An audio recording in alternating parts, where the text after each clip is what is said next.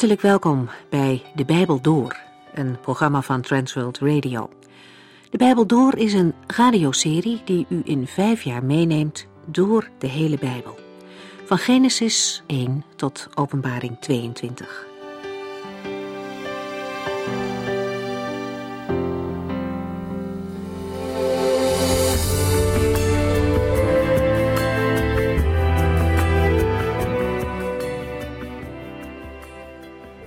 De basis voor deze programma's zijn de Bijbelstudies van dominee Vernon McGee. Hij wilde mensen de kans bieden om via de radio een regelmatige Bijbelstudie te volgen en zodoende de hele Bijbel door te gaan. In de loop van de jaren bleek deze methode goed aan te slaan, zodat de programma's inmiddels meer dan in honderd talen zijn vertaald en uitgezonden, en nu ook in het Nederlands. Vandaag deel 7 waarin we verder gaan met het eerste hoofdstuk van Genesis. De Bijbel begint te vertellen over het ontstaan van de aarde en over hoe God de aarde heeft aangekleed. De allereerste woorden die God in de Bijbel spreekt zijn: Laat er licht zijn. God begint dus met het maken van licht. Hij scheidt het licht van het donker. En vandaag de dag doet God dat nog steeds. Hij maakt onderscheid tussen licht en donker, tussen goed en kwaad. En de normen voor wat goed is en wat kwaad is, heeft God in zijn woord opgeschreven. Na de schepping van de dag en nacht zien we het ontstaan van het water en de lucht, dan de scheiding tussen zee en land, en vervolgens maakt God planten en bomen, sterren, zon, de maan, de vissen en vogels en de landdieren en alles wat God maakte was goed. In de uitzending van vandaag zijn we toe aan de kroon op het scheppingswerk van God, de mens, gemaakt naar Gods evenbeeld. En toen dat klaar was, was God klaar met scheppen. Hij rustte op de zevende dag, en die dag maakte hij tot een bijzondere dag, omdat God die dag zijn scheppingswerk afsloot. De vorige keer hebben we al gezegd dat de dagen waarop God de aarde schiep gewone dagen zijn en dat er geen aanleiding is om te denken dat het om periode gaat. Als u de vorige uitzending gemist heeft en die nog graag wel wilt beluisteren, kunt u die downloaden van internet of vraagt u de schriftelijke versie aan op ons kantoor.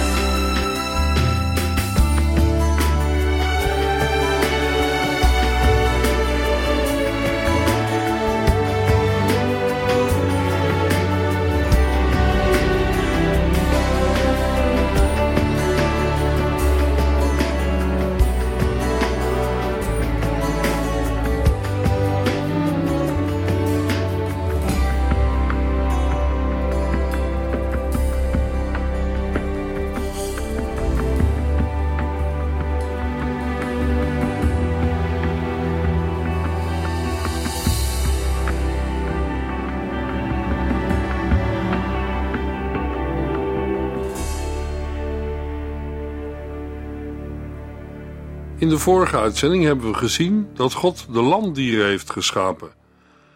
Genesis 1, vers 24 en 25. De landdieren worden in drie categorieën ingedeeld, genoemd in volgorde van belangrijkheid voor de mens. De eerste categorie is het vee, nuttig voor het bewerken en het onderhouden van het land. De tweede categorie, dat zijn de kruipende dieren, ten opzichte van de mens minder nuttig. En als laatste categorie zijn er de wilde dieren. Die kunnen gevaarlijk zijn voor een mens. Opnieuw treffen we geen wetenschappelijke indeling aan. De dieren worden aangeduid en ingedeeld naar hun leefmilieu. In vers 25 komen we het Hebreeuwse woord Adama tegen. Dat betekent aarde, aardbodem of akker. Het is een voorbereiding op de schepping van de Adam, de mens. En daarmee komen we bij Genesis 1, vers 26, de schepping van de mens. Toen zei God: Laat ons mensen maken, die op ons lijken en kunnen heersen over alle dieren op aarde, in de zeeën en in de lucht. Bij dit vers komt de vraag op: hoe werd de mens geschapen? Genesis 2 zal ons er meer over vertellen. God gaf de mens heerschappij over de aarde, niet in de vorm van een soort veredelde tuinman voor de Hof van Eden. Nee, Adam ontving een geweldige verantwoordelijkheid en taak. In de volgende versen zullen we er meer over ontdekken. De Heere God heeft Adam dingen opgedragen en toevertrouwd in de schepping. God schiep daarop de mens als zijn evenbeeld. Als man en vrouw schiep hij hen. Genesis 1, vers 27.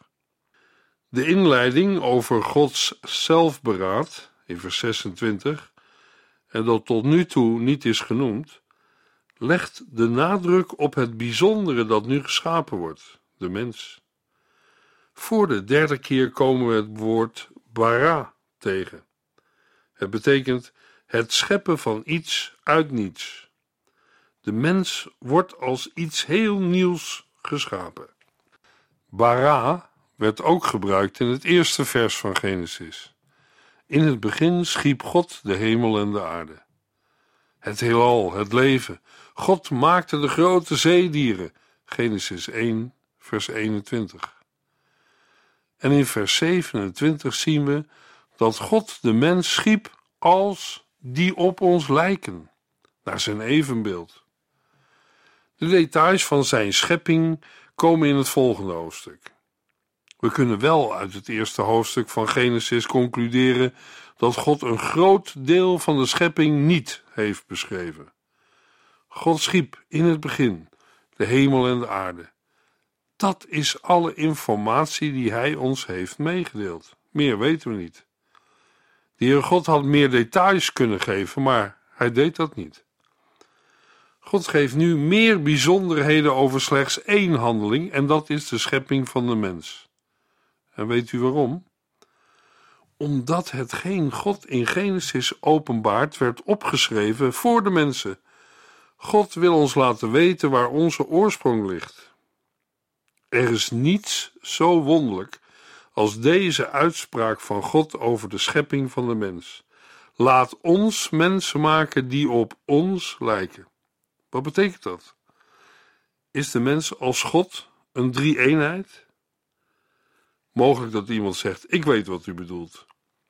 Daarmee wordt bedoeld dat de mens een natuurlijk, een verstandelijk en een geestelijk wezen is. Ja, ik geloof dat dat waar is. Wat Paulus zegt in 1 Thessalonicense 5, vers 23: Laat het zo zijn dat de God van de vrede u volledig voor zichzelf afzondert en dat uw hele wezen, geest, ziel en lichaam zuiver blijft tot de komst van onze Heer Jezus Christus. Hoewel dit waar is, zullen we in het volgende hoofdstuk zien dat het zelfs meer is dan dat. Ik denk dat het verwijst naar het feit dat de mens een eigen verantwoordelijkheid heeft en als zodanig zelfbewust is en eigen beslissingen kan nemen. Het beeld Gods geeft de bijzondere positie van de mens aan. Het is de toerusting om als onderkoning van God de gegeven taak te kunnen vervullen: het beheer over de aarde en de dieren. Als man en vrouw schiep hij hen. Dit gedeelte geeft niet nauwkeurig aan hoe God man en vrouw heeft geschapen. Dat komt in Genesis 2. Daarnaast laat het ook zien dat God niet de bedoeling had om ons alle bijzonderheden en details te geven over zijn schepping en de aarde waar wij zijn geplaatst. De uitleg die de levende God in Genesis 1 geeft is dat Hij de schepper van alle dingen is. Dat brengt ons naar wat we lezen in onder andere Hebreeën 11 vers 3. Door het geloof weten wij dat het heelal door een woord van God gemaakt is en dat het zichtbare uit het onzichtbare is voortgekomen. De dingen die we nu zien zijn gemaakt uit dingen die daarvoor zelfs niet bestonden. Dat is niet te verklaren. En de evolutietheorie kan dat ook niet. De evolutietheorie heeft nog nooit de vraag kunnen beantwoorden hoe iets uit niets is ontstaan. Het begint altijd met een kleine amoebe of een oersoep of een klein stukje zeewier. Wij mensen moeten iets hebben om mee te beginnen. Maar de Bijbel start bij niets. God schiep. Dit is de onzagwekkende openbaring van het eerste hoofdstuk van het Bijbelboek Genesis. We gaan naar vers 28. God zegende hen en zei: Vermenigvuldig je, bevolk de aarde en onderwerp haar. Heers over de vissen, de vogels en alle andere dieren. In dit vers zien we dat God aan de mensen bijzondere opdracht heeft gegeven. Eerst zegt God: Vermenigvuldig je en bevolk de aarde en onderwerp haar. Dat wordt herhaald in Genesis 2, vers 24 met een andere uitdrukking. Een man verlaat zijn vader en moeder, voegt zich bij zijn vrouw en wordt werkelijk één met haar. God heeft als enige de seksualiteit geïntroduceerd. Het is interessant om hier even bij stil te staan, omdat wij mensen vaak denken dat wij de seksualiteit hebben ontdekt. Maar God noemt het al aan het begin van de schepping. De Bijbel laat ons op vier manieren zien hoe God mensen een plaats geeft in zijn schepping. In de eerste plaats letten we op Adam. Hij wordt direct door God geschapen. In de tweede plaats kijken we naar Eva. Zij wordt indirect uit een rib van Adam geschapen. In de derde plaats letten we op de menswording van de Heer Jezus Christus. Hij werd uit de maagd geboren. En tenslotte is er een vierde mogelijkheid: de menselijke voortplanting, de geboorte van kinderen. Helaas hebben wij mensen de natuurlijke voortplanting omlaag getrokken, tot een niveau dat God nooit heeft bedoeld. God schiep de mensen om zich voort te planten, een prachtige waarheid. Niet gemaakt om te verworden tot een vieze, smerige ontering van het menselijk lichaam. En dat wat God als zegen heeft geschonken aan mannen en vrouwen.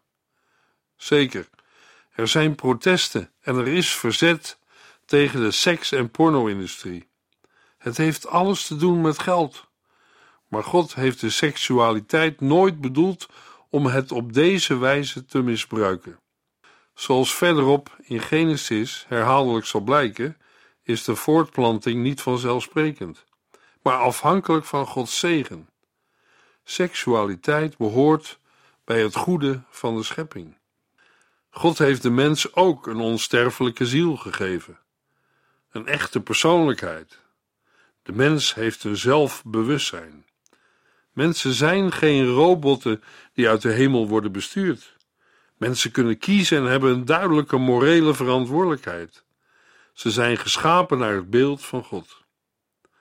God zegt tegen de mens: Vermenigvuldig je, bevolk de aarde en onderwerp haar. God geeft opdracht de aarde te onderwerpen. Dit is, denk ik, de basis van het wetenschappelijke onderzoek van onze dagen: het doorgronden van de dingen. Spreuken 25, vers 2 zegt: God ontleent eer aan zaken die hij verborgen houdt. Maar koningen ontlenen eer aan het doorgronden van een zaak.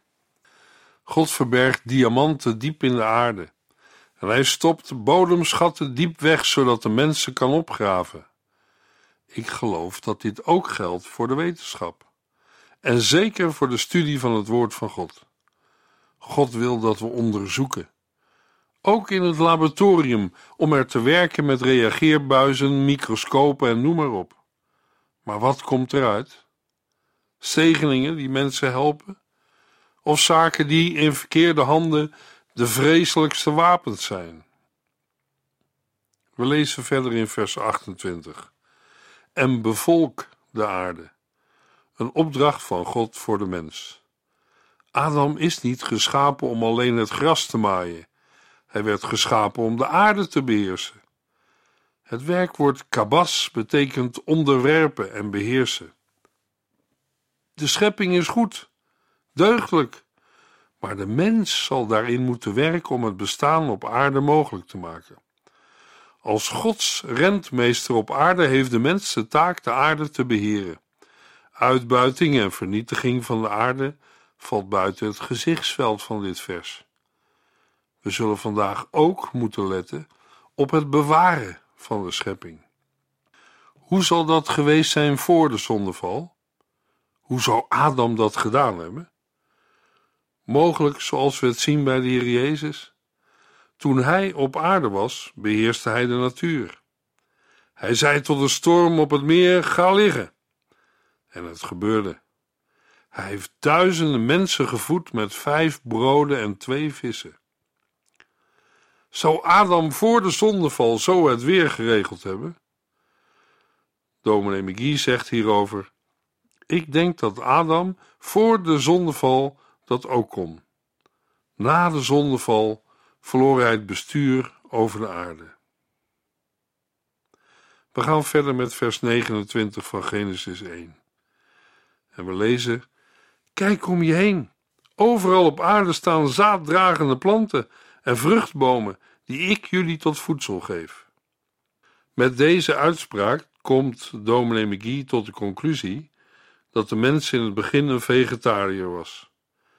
Pas na de zondvloed, al dus McGee, werd de mens een vleeseter. In de versen 29 en 30 is er een globale opsomming van plantaardig voedsel voor mensen en dieren. De mensen krijgen het zaad en de dieren het groen toegewezen. Al sluit dit niet uit dat mensen ook groente aten. Dierlijk voedsel wordt hier niet verboden, maar het plantaardige wordt genoemd. Waarschijnlijk ook met het oog op het verbod in het volgende hoofdstuk. Hoewel er pas in Genesis 9, vers 2 en 3 expliciet toestemming komt dat de mensen dieren mogen nuttigen, is de praktijk waarschijnlijk al eerder zo geweest. In Genesis 3, 4 en 8 worden dieren gedood en dit zal ook de consumptie van dieren ingehouden hebben. Daarom is immers ook het onderscheid tussen reine en onreine dieren nodig in Genesis 7, vers 2. Zoals de dood in een bepaalde vorm reeds in het plantenrijk aanwezig zal zijn geweest in de Hof van Eden, zaad dat afvalt, eten voor mens en dier, is het ook mogelijk dat de wilde dieren hun aard, met gebit, maag, lichaamsbouw en dergelijke, reeds hadden. Hoewel er na de zondeval grote veranderingen zijn opgetreden in Gods schepping, behoeft dat niet geleid te hebben tot een andere aard van de wilde dieren. De profetieën van Jesaja over het Messiaanse Rijk gaan over dieren die elkaar niet meer zullen opeten, en over een leeuw die stro zal eten als een rund. Jesaja 11 vers 7 en 65 vers 25. Die teksten gaan echter over de toekomst en het is riskant daaruit biologische consequenties te trekken voor de situatie in het verleden in de Hof van Ede. We lezen verder vers 30 en 31. Al het gras en de planten heb ik als voedsel aan de dieren en de vogels gegeven. Toen overzag God alles wat hij gemaakt had, en het was heel goed. Het werd avond en het werd weer morgen, de zesde dag. Met deze verse zijn we aan het eind van Genesis 1 gekomen. Laat ik als afsluiting een korte samenvatting geven van een aantal opvallende zaken. Welke dingen vallen op? Een van de dingen is dat de naam van God 32 keer wordt genoemd in Genesis 1. De Bijbel doet geen poging om te bewijzen dat God er is. Waarom niet? De Bijbel geeft zelf het antwoord op deze vraag in Psalm 14, vers 1. De dwaas zegt bij zichzelf: Er bestaat helemaal geen God. De Bijbel is een boek dat geschreven is om geestelijke en godsdienstige waarheid te openbaren. Die waarheid komt alleen door het geloof tot ons. God geeft het feit aan dat Hij de enige is die het heelal heeft geschapen. Voor ons is de vraag of wij Hem geloven op Zijn woord. In Genesis 1 zien we de eenheid en de kracht van God als een persoonlijke God. En Paulus schrijft aan de gelovigen van Rome in de brief aan de Romeinen, hoofdstuk 1, vers 20. God is wel onzichtbaar, maar uit alles wat hij geschapen heeft, blijken zijn eeuwige kracht en goddelijkheid. Want sinds het ontstaan van de wereld is zijn bestaan duidelijk te herkennen uit wat hij gemaakt heeft. En daarom hebben de mensen geen enkele verontschuldiging. God vraagt de mens om in hem te geloven. Wat is uw en jouw antwoord daarop? Wat zijn nog meer opvallende zaken in Genesis 1? Nou, als eerste dat het veel godendom wordt ontkend. Er is één God die schept. En het eerste hoofdstuk ontkent dat materie altijd heeft bestaan. Dat is het tweede. Genesis begint met in het begin. Alles heeft een begin. En ten derde Genesis 1 ontkent pantheïsme. Pantheïsme is de leer dat God en de natuur één zijn. God was er al voordat alle dingen ontstonden. En hij is de gans andere, helemaal anders. Ten vierde, Genesis 1 ontkent fatalisme. Het fatalisme is de leer die aanneemt dat de mens geen enkele invloed heeft op zijn lot. Alles is bepaald. Een mens kan er geen invloed op uitoefenen. De naam is afgeleid van een Latijns woord wat lot betekent. God handelt vanuit eigen soevereine wil. Hij onderhoudt en bestuurt alle dingen. Samenvattend, de belangrijkste onderwerpen uit het eerste hoofdstuk van Genesis.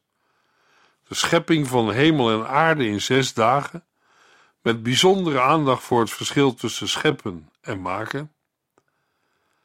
De eerste dag, waarop God het licht maakte.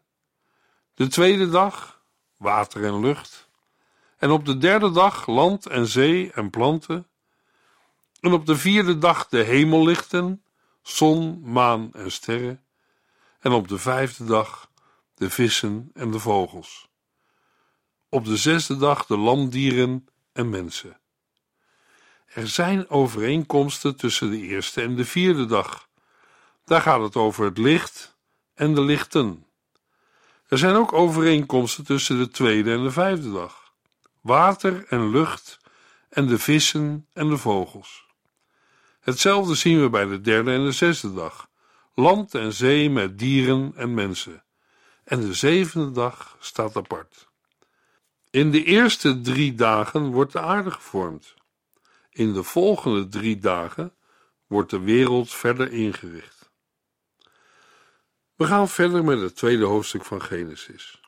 De onderwerpen die in het tweede hoofdstuk aan de orde komen zijn de rustdag of de sabbat, een samenvatting van de eerste vijf scheppingsdagen, het gebod van God aan de mens en de schepping van de vrouw. In deze uitzending gaan we alleen in op de zevende dag. In hoofdstuk 2 vinden we een belangrijk beginsel van openbaring. Het komt vaker voor in het woord van God, maar hier is het voor het eerst. Met een bepaalde regelmaat wordt het voorgaande herhaald en samengevat.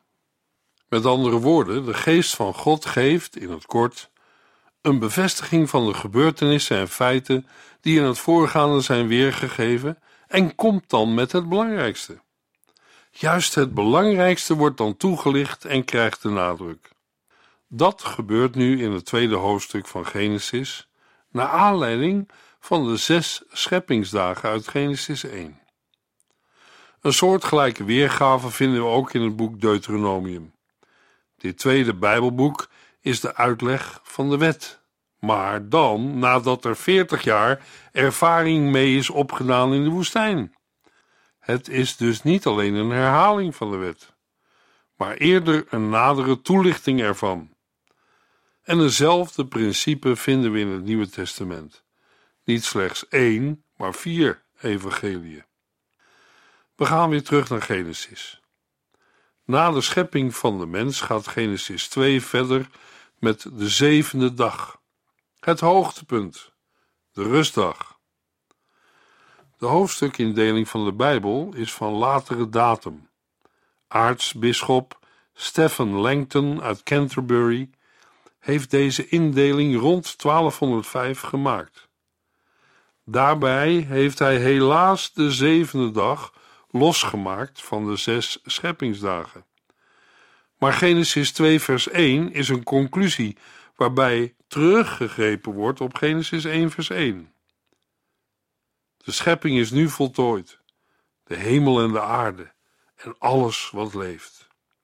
Zo werden de hemelen en de aarde en alles wat leeft gemaakt. Op de zevende dag rustte God na afloop van zijn scheppend werk. Hij zegende die zevende dag en maakte hem tot een bijzondere heilige dag, omdat hij die dag zijn scheppingswerk besloot. Genesis 2, vers 1 tot en met 3. Laten we niet voorbij gaan aan het belang van een rustdag. Wat betekent het als wordt gezegd dat God rustte van zijn werk? Zegt God dit omdat hij moe was? Zoals wij mensen dat wel kunnen zeggen. Ik ga nu zitten. Een hele week gewerkt, meer dan 40 uur. Dan is het nu tijd om te rusten. Was dit bij God ook zo? Maar het woordje rusten kan ons op het verkeerde been zetten. God hoefde niet van vermoeidheid te rusten. Jezaja zegt in hoofdstuk 40, vers 28: Begrijpt u het dan nog niet? Weet u nu nog niet dat de eeuwige God, de schepper van de verste uithoeken van de aarde, nooit moe of lusteloos wordt? Niemand kan de diepte van zijn begrip peilen. God rustte van zijn werk. Toen God zijn zes dagen had voltooid, keek hij erop terug en zei: Het is zeer goed. Er was niets meer aan toe te voegen. Het werk was helemaal af. Dat is een geweldige geestelijke waarheid. In het vierde hoofdstuk van het Bijbelboek Hebreeën wordt gezegd dat gelovigen de rust moeten binnengaan. Wij moeten in zijn rustdag binnengaan. Wat is dat vandaag? Het betekent dat de mens binnengaat in zijn volledige verzoening. 2000 jaar geleden stierf de Heer Jezus Christus aan het kruis. Hij gaf zijn leven voor u, voor jou en voor mij. Hij biedt vergeving en verzoening aan, opdat wij kunnen binnengaan in zijn rust. Apostel Paulus kan schrijven: Omdat wij ons aan God hebben toevertrouwd, zijn wij rechtvaardig geworden en leven wij nu in vrede met God, dankzij onze Heer Jezus Christus. Romeinen 5, vers 1. Dat is pas de echte vrede en rust. En dominee McGee roept hieruit: Ik heb niet eens mijn vinger hoeven op te steken om te worden gered. De Heer Jezus deed het alles en geheel voor mij. Genade zo oneindig groot dat ik die het niet verdien. Het leven vond, want ik was dood en blind, maar nu kan ik zien.